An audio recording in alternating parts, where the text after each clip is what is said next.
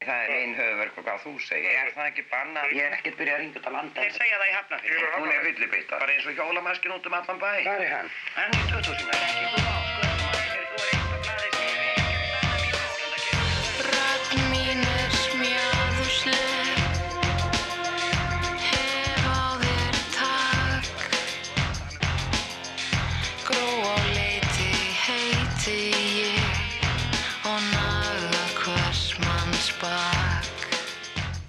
Á sem sagt fór svo saga af stað af því hann svolítið hvarf að hann væri sagt látin og þetta er einhver varð það stór saga að það kom tími kennari uh, og vottaði mig saman.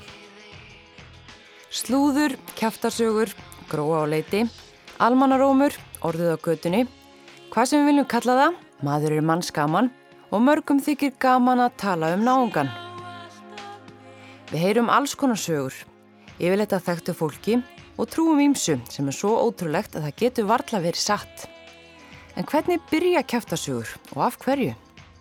Í þættinum í dag ætlum að velta fyrir okkur því sem sum myndu kalla hálgert þjóðarsport okkar íslendinga, kjaftasögum.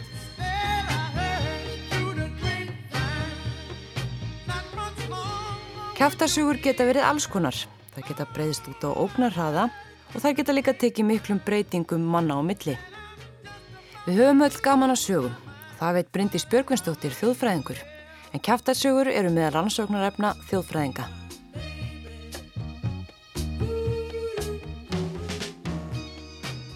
Kjaftasögur eru partur af svona rannsóknarefni þjóðfræðinga en þá heita, heita þeir ekki kjaftasögur heldur orðrómar.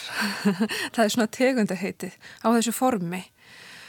Og orðrómar eru séðir sem e, í rauninni bara litla sögur, alveg eins og brandarar eru stuttarsögur, svo eru flökkusagnir aðeins svona lengri sögur og svo eru orðrómar eru líka svona stuttarsögur eins og, eins og brandarar. Og orðrómar eru gerðna séðir sem aðtúasemdir að þarna er fólk sem sagt að gera aðtöðasemt við eitthvað í samfélaginu eða í þeirra svona oftast nær umhverfi.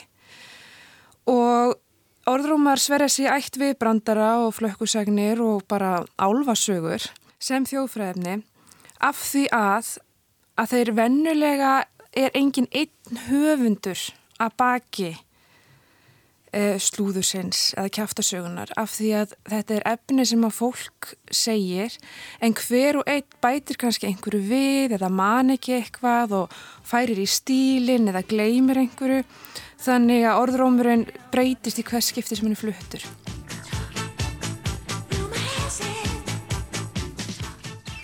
Það getur verið erfitt að heyra sögu um sig sjálfan eða eitthvað sem er tengdum hanni. Það er náttúrulega mjög leiðilegt þegar maður heyri kannski orðróm um sig sjálfan eitthvað sem mann þykir væntum og það er oft fyrst viðbröð fólks að reyna að fara að rekja orðrómun aftur til þess að komast á upprunanum. En slæmi fréttin eru það er að oft er það í rauninni ekki hægt af því að jafnvel þótt að hægt sé hann aftur til einhvers aðeila eða eitthvað þá hafa þeir sem að hafa kannski tekið þátt í að breyða út þannan orðróm bætt einhverju við og breytt og, og þetta er allt einhvern veginn einn allsýrar miskilningur og, og, hérna, og það kemur einhvern veginn í ljós að, að það er einhver, ekkert endal einhver eitt sem ber ábyrð á, á þessari sögu. Heldur er þetta eitthvað svona komment sem að fólki hefur fundist nógu áhugavert til að segja hvert öðru. Og við segjum stundum já einmitt að að séu svona aðtöksendur af því að þeir sko eru áhugaverðir ekki sko út af því hvort þeir séu sannir eða lognir. Það er ekki það sem þjóðfræðingar eru að skoða. Þeir skoða ekki hvort að brandari sé sannur, hvort að ljóskur séu raunverulega heimskar eða hvort að álfa séu raunverulega til. Það er ekki stóra spurningin eða hvort að einhver hefur raunverulega gert þetta og hitt eins og orðramurinn segir. Heldur er það sem er áhugavert er af hverju þessi aðtúasemt? Hvað segir hún um ástandi núna, samfélagið, óta okkar eða drauma eða, eða hvaða er? Og þess vegna hafið með þjóðfæringa verið að rannsaka orðrúma eins undarlega þá hljómar að maður geti verið í háskóla að rannsaka slúður um, og það, þá er ekki spurt hvað sé satt á logið heldur sko af hverju verið að segja þetta akkurat núna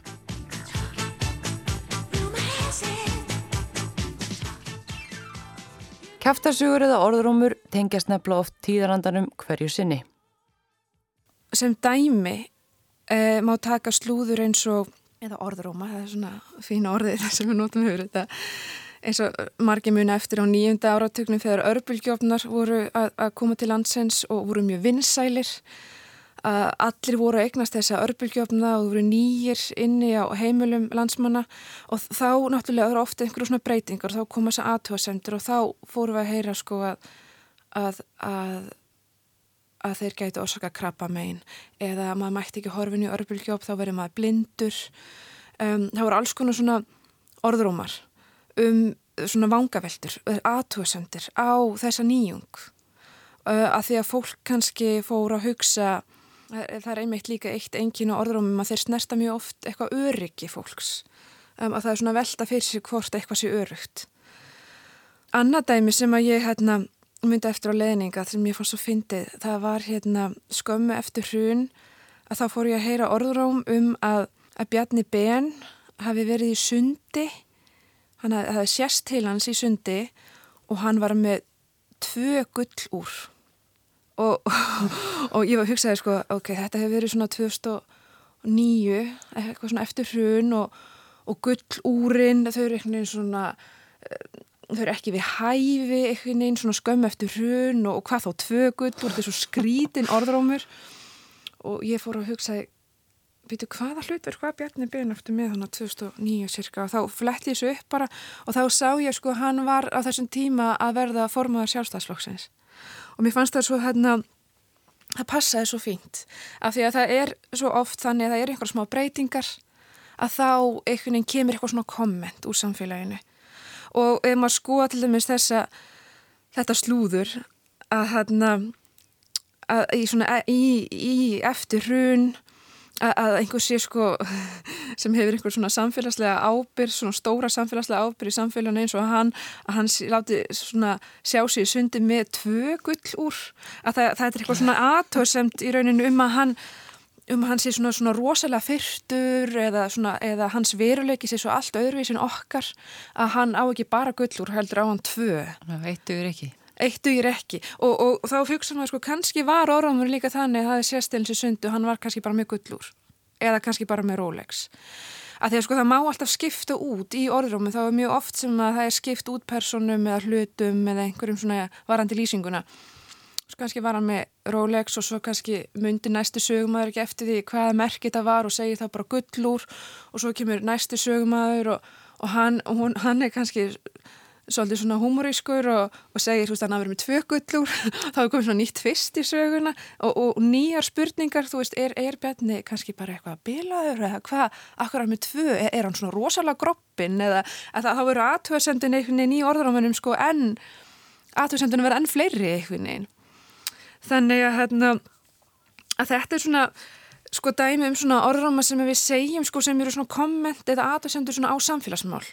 Og þess vegna eru margir orðrumar um oft svona ofnbæra personur eins og stjórnmálamenn eða fræga fólkið og maður heyrir náttúrulega svolítið mikið kannski orðrumar með mitt um fræga fólkið þetta fólk sem er svona um, almanna eign, svo að segja. En hérna þannig að það má svolítið sjá orðrumar sem svona oft einhvers konar svona samræðu um ástandsamfélagsins eða hvað er að gerast einhvern veginn í dag um, en svo eru líka náttúrulega orðrumar um, eiga líka við um mun minni samfélag sem geta það verið vinahópar eða, eða þú veist fólk sem að fyrir sama skóla eða er á sama vinnustad eða eitthvað svolítið að það getur líka verið hópur sem, að, sem fyrir að deila einhverjum orðrómi þó um einhverja karaktera eða atvik innan vinnustadarins eða skólans. Þannig að orðróma geta verið svolítið svona uh, tilert stórum hópi eins og kannski öllum íslendingum eða lítlum hópi eins og vinahópi og þeir eiga það þá svona sameigilegt að að þykja nógu svona merkileg aðtöðsemt að fólk einhvern veginn vilji dreifa þeim og það sé svona að það lítið sem svo á að það sé svona saga til næsta bæjar. Kæftasögur eru oft meðandi en þær geta líka stundum verið að dáliti fyndnar. Ofta líka fyndi hvað fólk trúir þeim heitt og fullir þér að það séu sannar Sjómanskonan Eva Löfi Kjaran þekki það að lenda millir tannan á fólki og þykir það reyndar ekkert tiltökum ál. Fadur hennar var sjómasmaðurinn Herman Gunnarsson, eða Hemmi Gunn, sem flestir landsmenn þekktu og því hefur henni gegnum tíðana heyrt ímsar kæftasögur um sig og sína. Á og til spretta svona góðar, góðar sögur upp. Mér finnst það bara alltaf skemmtilegt. Ég veit að hljóman undarlega en ég hef gaman að því. Finnst þér ekkert skrítið að fólk sé svona eitthvað að tala um þig? Jú, það er, það er aldrei skrítið en svo er það líka bara fyndið að því ennlega þegar maður veit hvað er rétt og rámt þá er bara aldrei fyndið að fólk er að velta einhverju fyrir sér sem er svo bara algjört bull. Hvað hefur þú heyrt? Til dæmis, ég er mjög gaman að því, eða þeirri sögu, að þá var sýsti mín, ég er náttúrulega gaman að því kannski, en sýsti mín skildi fyrir nokkrum árum síðan og það kom fréttum það ég séu það heyrt og fólk greip það svolítið lofti að þetta væri bara dótturins hemma. Var í rauninni alveg sama hvaða dóttir það var, það var bara dótturins hemma. Og það vildi til að ég var í sjóarpunu akkurat á þeim tíma, var að byrja með nýja þætti með gumma ben. Og þá var tilsaga að við gummi værum, værum tekin saman. Og þetta væri ástæðan fyrir skilnaðinum að, það, að ég var bara að byrja með gumma. Og vinkvara mína með þess að voru að rökraða við fólkið á, í mötuneytunni í vinnun, vinnunu sinni. Vinkvara mín já að, að þetta væri, væri bull, ég væri nýgift öðru manni og það var ekkert engin skilnaður og engin að taka saman en þannig að þetta var bara algjört bull Þannig að eitthvað vinnufélagi vinkonuðinnar var sérst bara fullir það að þú Já. væri tekinn saman við gummabenn. Já, þetta var bara dótturins hemma og hún var bara að byrja með gumma. Þau varum náttúrulega í þessum þætti saman og þau líka náttúrulega beinast við að þegar að kona og kallir saman í þætti þá auðvitað ætti þau að vera saman. En mér finnst það bara mjög, mjög fyndið að þetta er eins bara eins langt frá því að vera satt að þá getur maður líka að hleyja þessu. En þú er aldrei heyrt eitthvað svona meiðandi eða leiðilegt? Nei, ég hef ekki gert það og kannski það er kannski einhver ástæð fyrir því að maður fær ekki að heyra það sjálfur þannig ég hef ekki, ekki fengið það að heyra það En pappiðin, Hemmigun mm -hmm. hann var nú mjög þekktur Já. og kom eitthvað svona kæft á sér í kringu það eins og það var stúlingsárum eitthvað tengt því Já, ég auðvitað fæ að heyra alls konar alls konar sögur og sérstaklega kannski eftir að hann dó og annars líkt þá er allir tilbúin að segja manni sitt líta hvort en svo bara teki bara mjög takmarka, eða tekið svona ekki mikil mark, mikil mark á svona sögum. Ég bara veit að sjálfa að sögur eru bara alls konar og það er yfirleitt ekkert til í þeim. Þannig að ég tekit ekkert inn á mig þó ég heyri kannski eitthvað slemt slemma sögur um hann eða einhvað annað slikt ég, ég veit betur. En af hverju ætli Íslandingu finnst svona gaman að slúðra? Ég veit það ekki. Það er bara mjög góð spurning. Ég held yfirleitt að við séum bara komið það mikið leið á sjálfum okkur að við þurfum að velta öðrum fyrir okkur. Ég, það getur ekki verið einn önnur ástæða. Það er kannski því okkur líður illa eða þetta er endurspeglar yfirleitt held ég bara oft öfundsíki og annað slikt ég held að það sé bara já, þetta er algjör óþafi fyrst, fyrir það fyrsta, en ég veit ekki okkur hefum gaman að þessu En þú sérst ekki tekið saman við gummabenn? Ég er ekki tekið saman við gummabenn svo það sé að reynu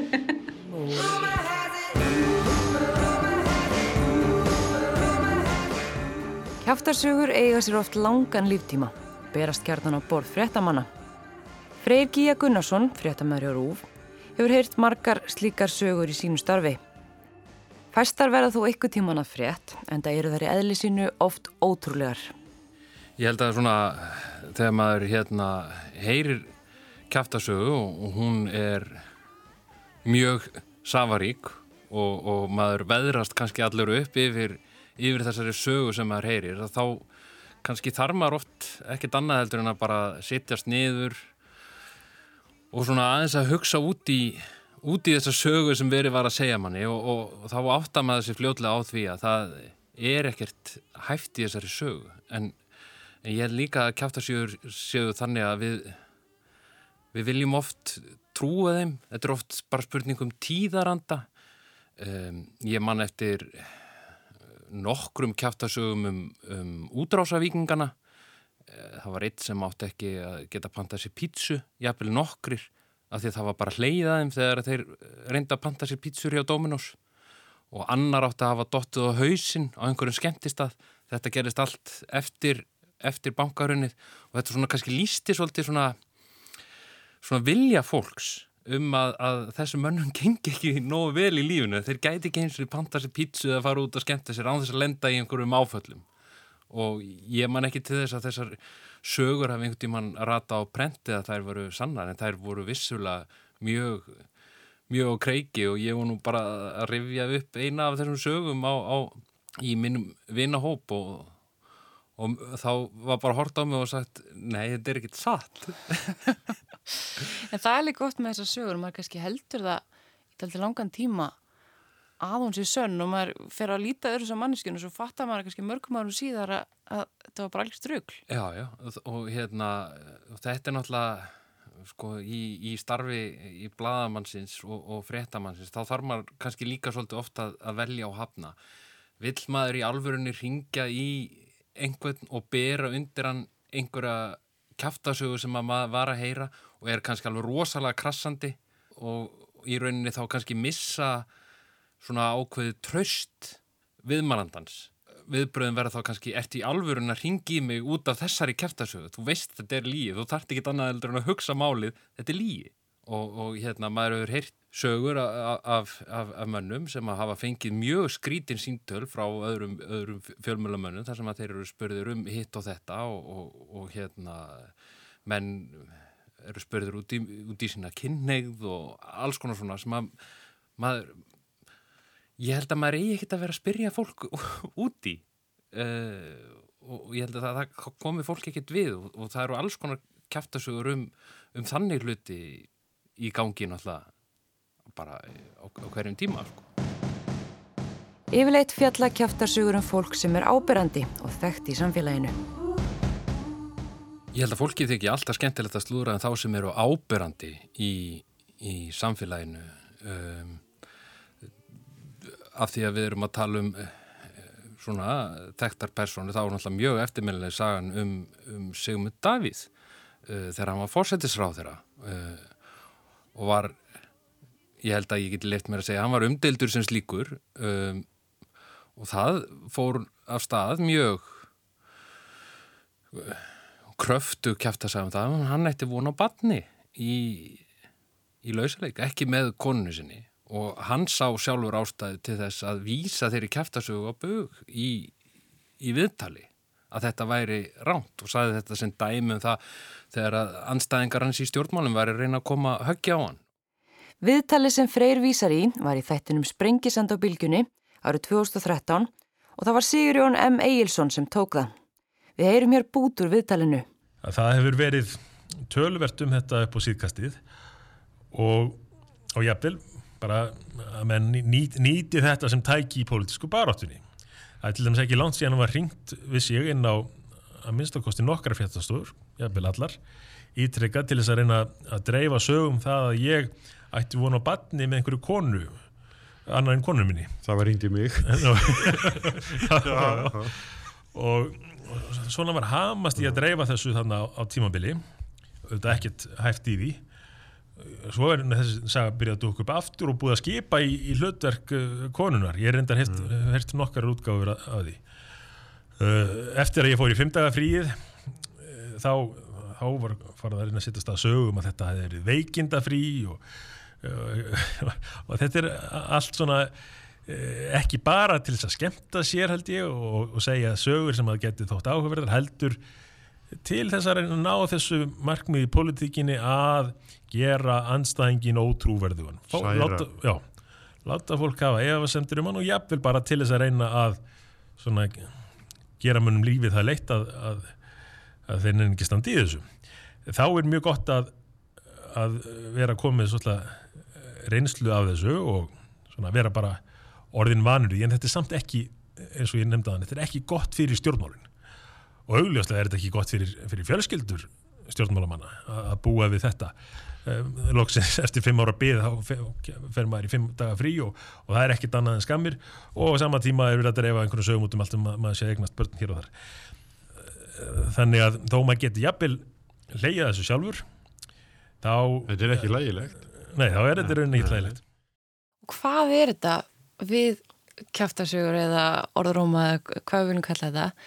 Hvað er þetta í þjóðarsálunni sem að gera þetta svona spennandi og þannig að okkur finnst þetta svona spennandi? Hvað er þetta? Sko, orðum að fást rosalega oft við, já, okkur finnst þetta svona spennandi aðtóðsendur oft sem við svona sjáum í þessum sögum. Um, a, a, mjög oft er þetta eitthvað varandi, einmitt eins og sagði áðan, öryggi. um, hvort að við séum örug, hvort við þurfum að óttast eitthvað.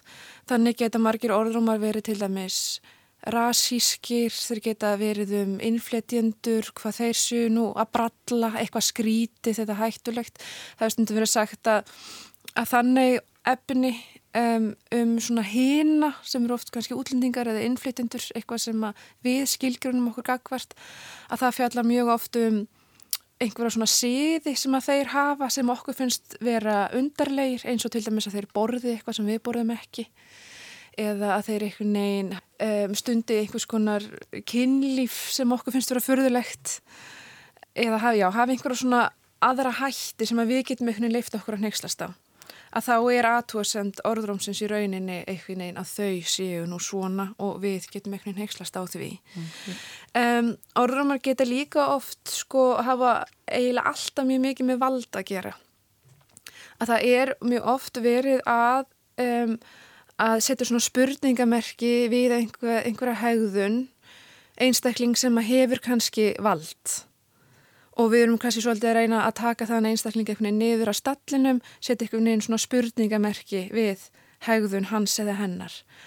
Um, og þetta eru oft svona aðtóasemtir sem að eru kannski svolítið svona meinfísnar í rauninni en við leifum okkur samt að segja þær og fara og flytja þennan orðróm af því að sko við sjálf byrjum ekki persónulegan ábyrð á orðrómanum. Þetta er bara eitthvað sem ég heyriði, einhver var að segja mér þetta og ég er bara að segja það sem ég heyriði. Og þess vegna get ég kannski sagt eitthvað neikvægt um, um bara náungan sem ég myndi kannski aldrei gera sko beinum orðu. Ég er bara að segja sögu og svo getur sko, er, er það upp á þig komið hvernig þú eitthvað tólkar eða hvort þú náur þessari aðtóðsan sem fælst í sögunni. Um, þess vegna leifu okkur ofta einmitt að segja kannski þessa sögur sem að hérna eru í rauninni að, að segja eitthvað meira en, en ég ber eitthvað ekki ábyrða.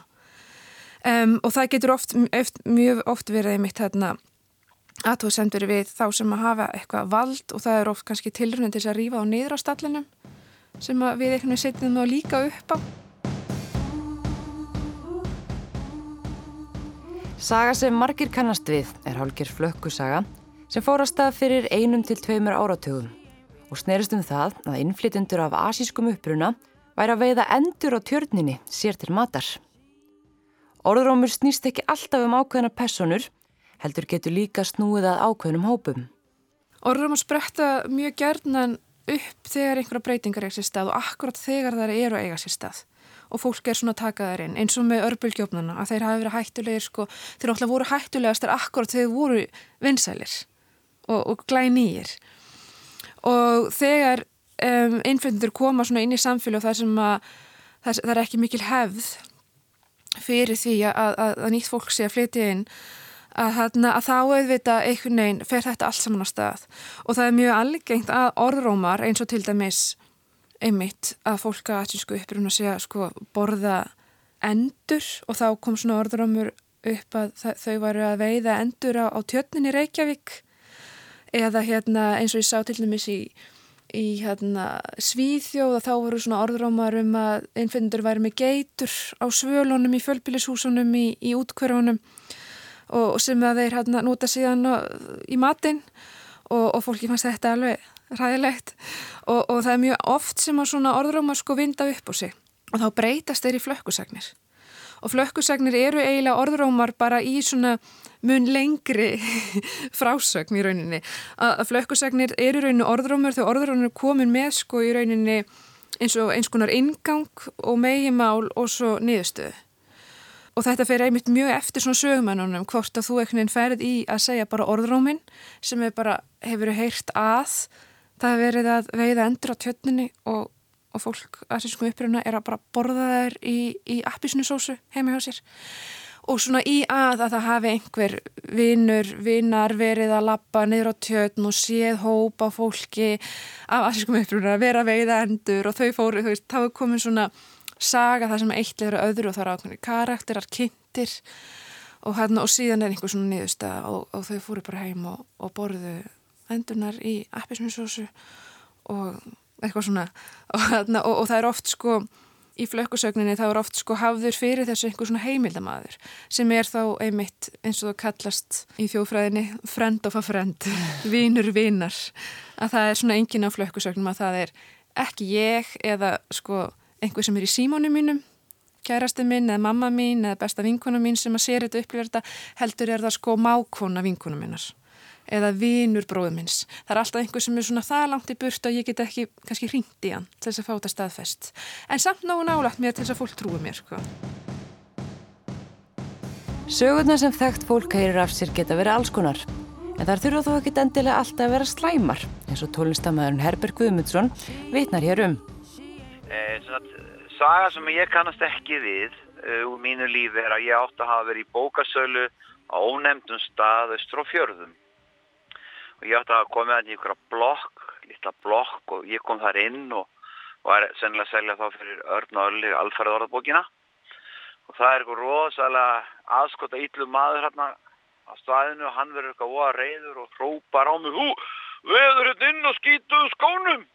Og hann á að hafa hend mér út og, og sparka mig niður tröppunar og þetta er náttúrulega, ég man ekki eftir þessu. Uh, hérna, en mann náttúrulega gleymir átt leiðlugulutunum en svo er saga hérna sem ég veist ofsalega væntum mm.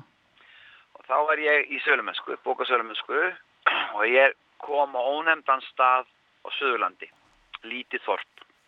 Og ég kem átt á banka og, og það kemur þessi indislega fallega unga kona til dyra fráskilin, tekka fram, ljósar og sala huguleg með krullurnar í sér. Og, hún, og ég sé að það eru tveir krakkar inn að hlaupum og leika sér svona 5-6 ára og 7-8 ára stelp og strákur og, og hún sér hefðin, ég hef rosalega áhuga á þessum bókum, með döð langar í þetta. Ég var sem að selja lagsnes á þessum tíma bara allt settið, mm. einn og hálfur til 2 metrar í hillu. Hún sér bara hefðin, það er bara ásatið hérna Kristjúns í kvöld eins og sér ég er bara með rullunar í mér að fara að gera mig klára og ég áttur ekki að krökkunum að borða. Á hann að batnafíðan kemur ég bara, bara geti þetta ekki núna. Og þá fylgir sögun og ég var satt hérna herðu guðurminn ekki málið, þar þú bara gerði þið klára. Ég var kokku til sjós í mörg mörg ár og ég skal bara elda fyrir þið potréttin og var búin að taka út nautak og var með seppi og lauka eitthvað á borðinu. Svo ég á að fara þarna inn bara og bara elda hennan fína potrétt maður og svoði hrísgrón og, og hérna útbúið kvítlöðsbröð í opni maður og krakkarnir sátu þarna bara sleiktur og fínir í eldasbörðu og svo kom hún fram búin að hafa sér til og hérna fyrir ásátti fyrstjúsins, rosalega sætt og fín og, og bara mist alveg andliti og, og hérna og það að borða þarna þessi fíni potréttur og séðan var gengið frá sölu á öllum lagsnespakkanum eins og hann lagði sig sem var 1,5-2 metrar í hillu. Og þetta er æðislega saga, ég elska þessa sögu. Þetta er svo góð saga. En hún er ekki sönn eða hvað? Um, sko sko, sko ég man eftir einhverju, það er eins og hún hafi svona vaksið að fara millir mann þú veist að ég náttúrulega var kokkur til sjós, það stemmir og, og en hvort ég hef verið að komegsta sem ég var bara aðstóða með að bóðu kannski borða með fólki eða bara bauðst þess að aðstóða hvernig það er en hvort þessi saga hafi bara vaksið við að fara mann frá manni, það er aldrei að vita en ég veist þú að væntum þess að sögu. Kannski er hún bara sönn. Ná, þú ert ekki viss.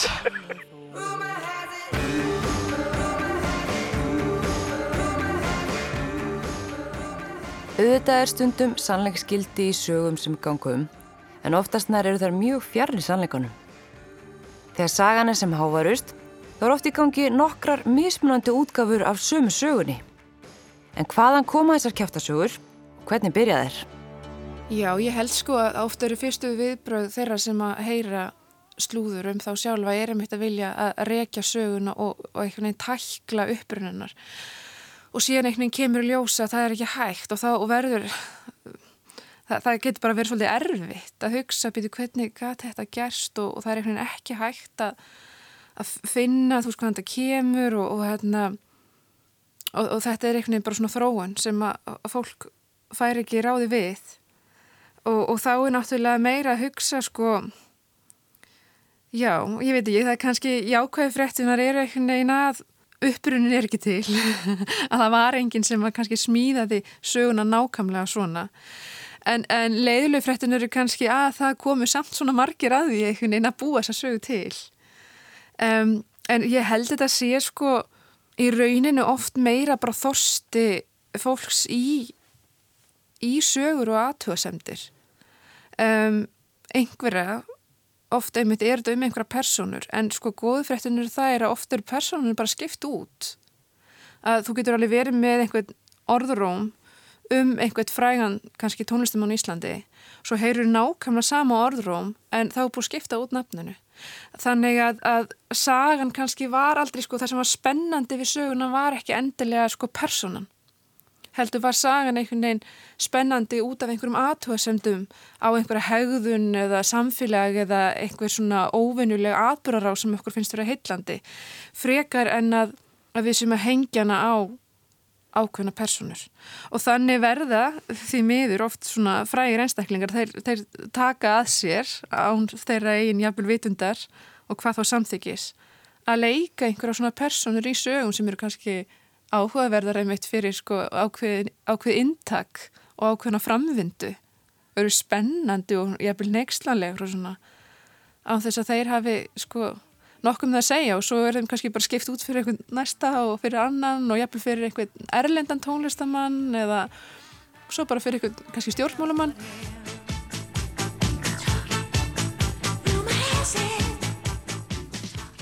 Hvaðan heldur að svona sögur spretti? Hvernig verða það til? Stundum er það svo ótrúlegar að maður eiginlega sko átt að segja ekki á hvernig hvað þetta byrjar. Ég held að þetta kvikni bara á af, af, að þetta lýsur oft einhver, eins og ég sagði á þetta lýsur oft einhverjum væntingum að, að sko, og það þarf ekkit endilega að vera neikvægt, það var það kannski með útrásavíkingana þegar menn voru að, að segja alls konar sögur af þeim. Stundum þykir fólk líka, fólki líka bara væntum um viðkomandi og, og, og hefur áhugjur af viðkomandi og, og vil kannski trúa einhverju. Um, kona mín, hún var að rifi upp núna bara áður en ég fór í þetta viðtal upp, upp mjög fræga kæftasögu um, um fórsetta og þegar hann var einn, hafði mist konuna sína þá fóru á stað okkurna kæftasögur um að hann ætti væri komið nýja konu og það var mjög þekkt kona hérna í bænum uh, og það reyndist ekki rétt en það er svona kannski lísti ákveðni svona umhyggju að hann yrði nú ekki einn að það, hann er að hafa einhverja konu við hliðin á sér. Já, kannski eitthvað bara valið þessa fyrir hann. Já, kannski svolítið þannig að, að þetta væri rétta konu fyrir hann og, og, og, og þegar hann væri góð með þessa konu þá þurfti hann ekki að hafa hann einar ábyggjur Síðan kveik og létt kæft að sögur öllum bóðar Gróa leiti líka best að jú og svíkja kong og brest með saklesi Það getur oft reynt á þá sem standa nærið þeim sem slúraður um að heyra sögur á sínum nánustu. Sigurður Helgi Pálmarsson á þekktafóreldra, tónlistafólkið Pálma Gunnarsson og Þurriði Siguradóttur. Þegar hann var alast upp voru þau með vinstarstu söngur um þess tíma og mikið var talað um þau. Sigurður segir samt lítið hafa heyrta þessum sögum en þó er eitt atvigg honum afar eftirminnilegt.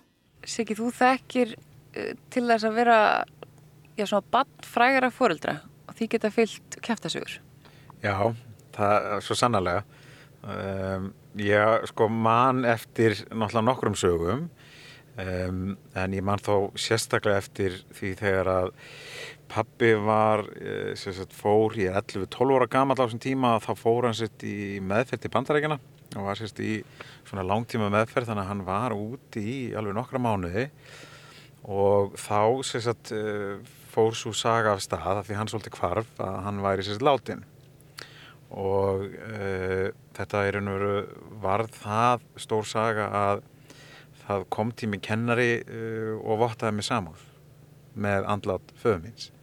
Um, 11-12 ára skildi ég náttúrulega ekkit hvað verið í gangi og ég fór hérna til fór eftir skólan til mömmu og, og, og spurði hvort að pappi væri hvað verið í gangi. Og hún náttúrulega útskýrið þetta það hefði verið sérst saga og ég fekk bara mjög ítalega og góða kennslu frá fóröldum mínum um svona sögur en, en þarna þá þurftu nú útskýri fyrir mig að pappi náttúrulega væri ekki látin og, og ég held meiri sig að mamma hafi farið sérst í útvarpið á sínum tíma til þess að bara draga niður söguna, að leiðri þetta því að hún var eiginlega orðin það stór og það er fyrir interneti og allt svo leiðis þannig að það í nöður bara að fara í útvarp alla landsmanna og útskýra að þetta væri rétt. Hvernig var að heyra svona eitthvað um fóreldra sína og heyra það líka bara að aðrir væri að velta þeim fyrir sér? Um, þetta er náttúrulega eitthvað sem að, að sko, ég þekkti náttúrulega ekki annað, þannig að kannski fannst mér bara aðeinlegt að þetta væri, bara allir að lendi í þessu, en ég, ég held samt að þau hafi verið svolítið góð bæði að undirbúa mig, það er sérst að útskýra fyrir mér að, að ég mm, sérst, myndi öruglega heyri ykkur sögur og það kannski svona ágerðist þegar ég varð eldri og þá fór maður að heyra kannski aðeins fleiri sögur. Uh, en ég var alltaf meðveitur um að þetta væri náttúrulega allt, allt, allt sögur. Og raun og veru ég held að 90% af þeim hafi ekkert verið sannar en kannski eitthvað rétt. En þar fólk var alveg að spurja þig út í þetta? Já, já, og hérna en þetta er svona versta dæmi sko um, en svo heyrðum maður náttúrulega sögur veist, af svona setna meir bara veist, með þetta uh, hvernig þetta hljómsveita líf var á þessum tíma og svona og, og, og, og það svo sem eitthvað hafði maður alveg skilning á þegar maður var eldri sko. en á þessum tíma 11-12 ára þá kannski áttaði mér sér ekki alveg á sig Var þetta aldrei sárt? Ég man ekki eftir þetta hafi verið hérna, ég, ég, sko mamma talar um að ég, ég hafi verið svona, mér hafi brugðir sem er náttúrulega alveg eðlilegt sko.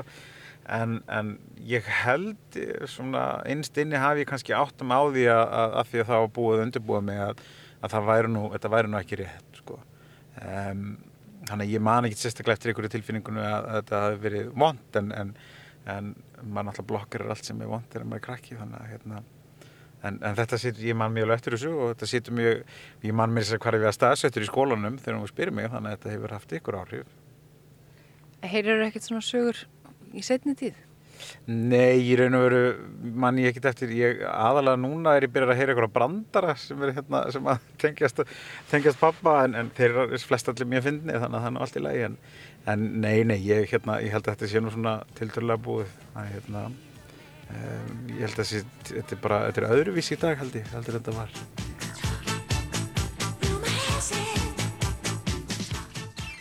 Ég held að sé náttúrulega alltaf þannig að það eru alltaf þeir sem eru ábyrgandi. Það myndast alltaf kæftasögur í kringum, kringum viðkomandi og stundum eru þetta að viðkomandi sé að verða gældróta eða og þá var hann kannski búin að vera mikið umræðin um að segja gera eitthvað stort og þá kemur eitthvað hann einum ekki pening fyrir þessu eða eitthvað þannig og, og, og stundum veit maður og oftast veit maður betur að, að það er nú kannski ekki alveg rétt að, að, að svona sé pottin búið. En, en það er alveg magnað hvað, hvað svona kæftasögur geta farið á kreik og, og orðið lífsegar. Og þetta er náttúrulega bara stundum er einhver smá sannleiksbrottur í þessu, það má náttúrulega heldur ekki gleyma því en þetta er náttúrulega bara sagan fer á stað og hún tekur sífældum sífældum breytingum og kannski magnast svolítið upp þegar hún kemur til kannski okkar eða, eða fjölmila, þá var hún kannski orðin svolítið afbökuð.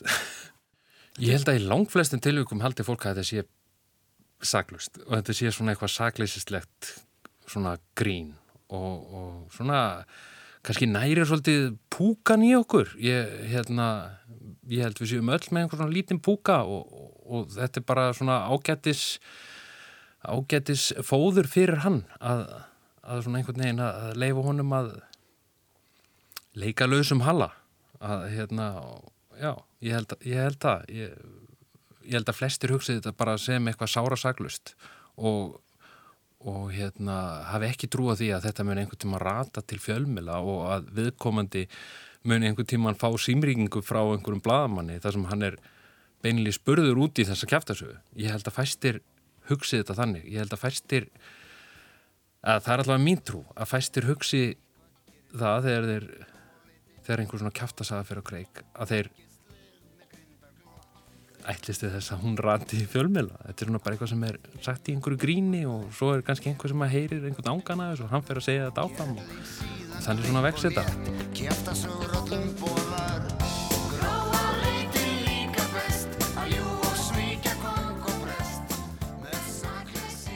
Voru líka kæftasögur í gamla daga?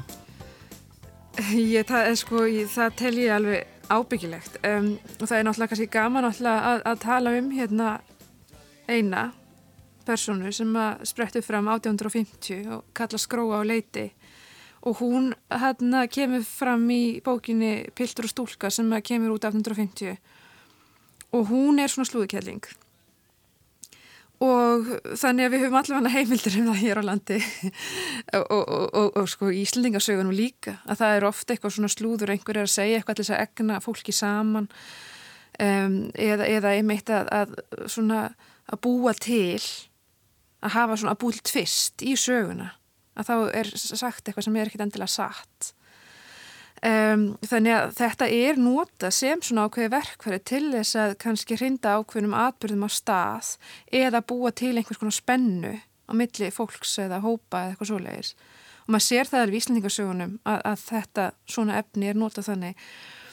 Og varandi gróa leiti að það er svolítið svona gaman sko eins og með hana að það kemur fram í verkinu að hún sko þegar hún talar við einhvern að þá lætur hún þeim aðeila líða svolítið eins og þau séu alltaf að tala um eitthvað svona trúnaðamál og þau sko tvö séu að tala saman um eitthvað svona undir fjögur augu. Og, og þá leifur hún sér að segja eitthvað og, og hafa þannig áhrif eitthvað á söguframönduna og fólk eitthvað kannski trúir en af því að þetta er eitthvað svona, það búið til eitthvað svona sviðsending þar sem að, að þetta sé svona eins, eins konar trúnaðamál, tveikja einstaklinga eða eitthvað svo leiðis og, og þannig eru einmitt orðrumur og þess vegna finnst mér að svolítið erfitt sko að koma í útvarp og, og vera með mörg dæmi af því að orðrumar eru yfirleitt eitthvað sem að segja nákvæmlega ekki í útvarpi. Og ekki, þú veist, bladamenn reyna að, að, að sniðganga svona efni af því að hérna, þetta er efni sem einhvern fólk segir helst svona undir fjögur augu. Og það er mjög meðvitað um hverjir að hlusta fólki á kaffúsinu sem er að slúðra það lækka röddina og lítur í kringum sig. Þannig að þetta er eitthvað svona efni sem að, við, við þurfum að hugsa mjög mikið um svona samhengið.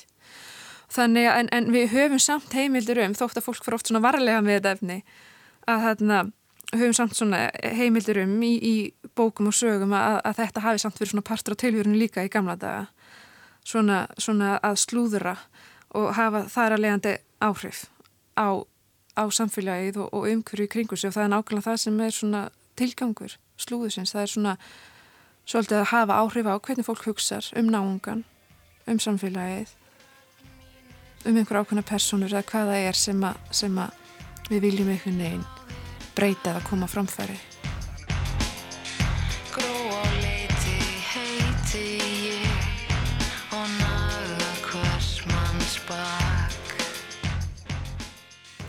En eins og þetta með að ef maður heyri sögu eitthvað sem að tengist manni eða þekkir eitthvað til. Þú voru við að segja? Frá kæftasögun? Já. Maður veit já, kannski já, ekki hvort ég... það sé satt eða ekki. Já, já. Ég held að ef maður þekkir viðkomandi þá getur maður alveg gert það. En skapast ekki oft svona vandamál sko hver sagði þér þetta? Þá þarfst þú að segja hver hefði sagt þér söguna sem að Alltaf Þá getur maður alltaf að byrja samtalið. Ég ætla ekki að segja þér hvað saði mér þetta. En, nei, nei, ég held að það sé ekkit, ekkit, ekkit vandamál. Hérna. En maður verður náttúrulega geta treystu viðkomandi. Og hérna Jú, jú.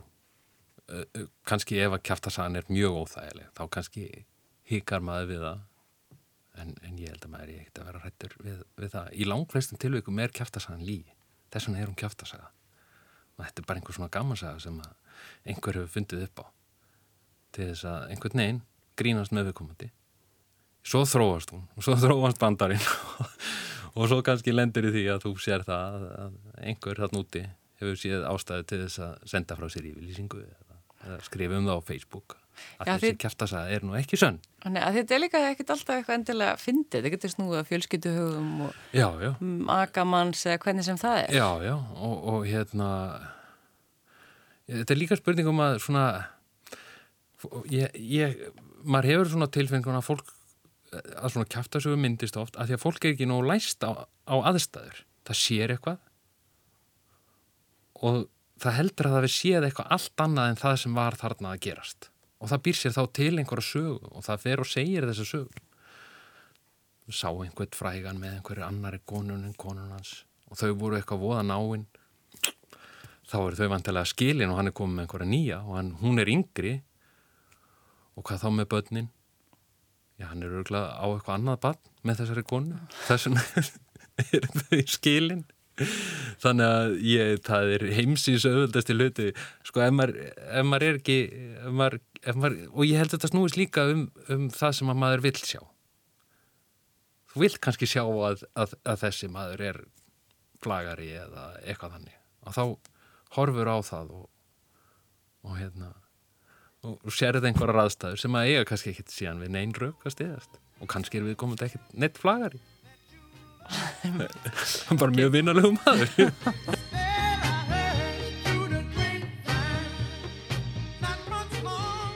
Kæftasjúur verða líklega alltaf til og eru kannski á einhvern hátt ákveði tjáningaform.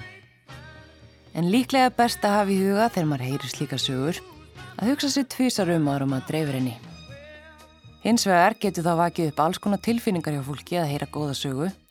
Kannski ekkit óleitt því að horfa á góða bíómyndi eða þátt fólk er svo hérna, miskóði sögumann og, og það er einhvern veginn sögumir eru rosalega góðir að segja slúður. Og, og maður bara upplifir alls konar spennu og hlátur og, og hérna þetta svalar einhverjum svona maður upplifir tilfinningar. Og það er nákvæmlega það sem sögur náttúrulega eiga svolítið að gera að það er svona hreyfa við manni. Og hérna og ég, þú veist, kannski er þetta form það er náttúrulega svo það er oft svo hendugt það er svo stutt og það þarf þarna, það þarf ekki svona eða miklum tíma kannski í að í að segja slúður, þetta er ekki mikil vinna kannski sem fælst í það, þetta er svo stutt form og, og oft þarf sko, þarf ekki að útskýra margt. Um, þannig ég minna kannski bara finnst þeim sem eru kannski mikið að slúra þetta bara vera bara, þetta er bara svona ákveð listform fyrir þeim, eitthvað svona já, og um leið svalar þetta einhverjum svona líka um, því að vera svona beintengt einhvern veginn deglun og því sem er að gerast að maður einhvern veginn er svolítið í frettaflutningi þetta er svona kannski einhvers konar svona hverstags hverstagsleg bladamennska svona alþýðu bladamennska sem maður nákvæmlega tekur ekki endilega í raunverulega fjölmiðla af því að þetta er náttúrulega bara það er bara er ekki við hæfi en, en við leiðum okkur samt að stunda svona, þessa bladamennsku svona okkur á milli Það er einn höfverk og hvað þú segir. Er það ekki bannað? Ég er ekkert byrjað að ringa út á landa. Þeir segja það í hafnafyrir. Hún er villibittar. Bara eins og hjólamaskin út um allan bæ. Hvað er hann? Hann er 2000 ekki.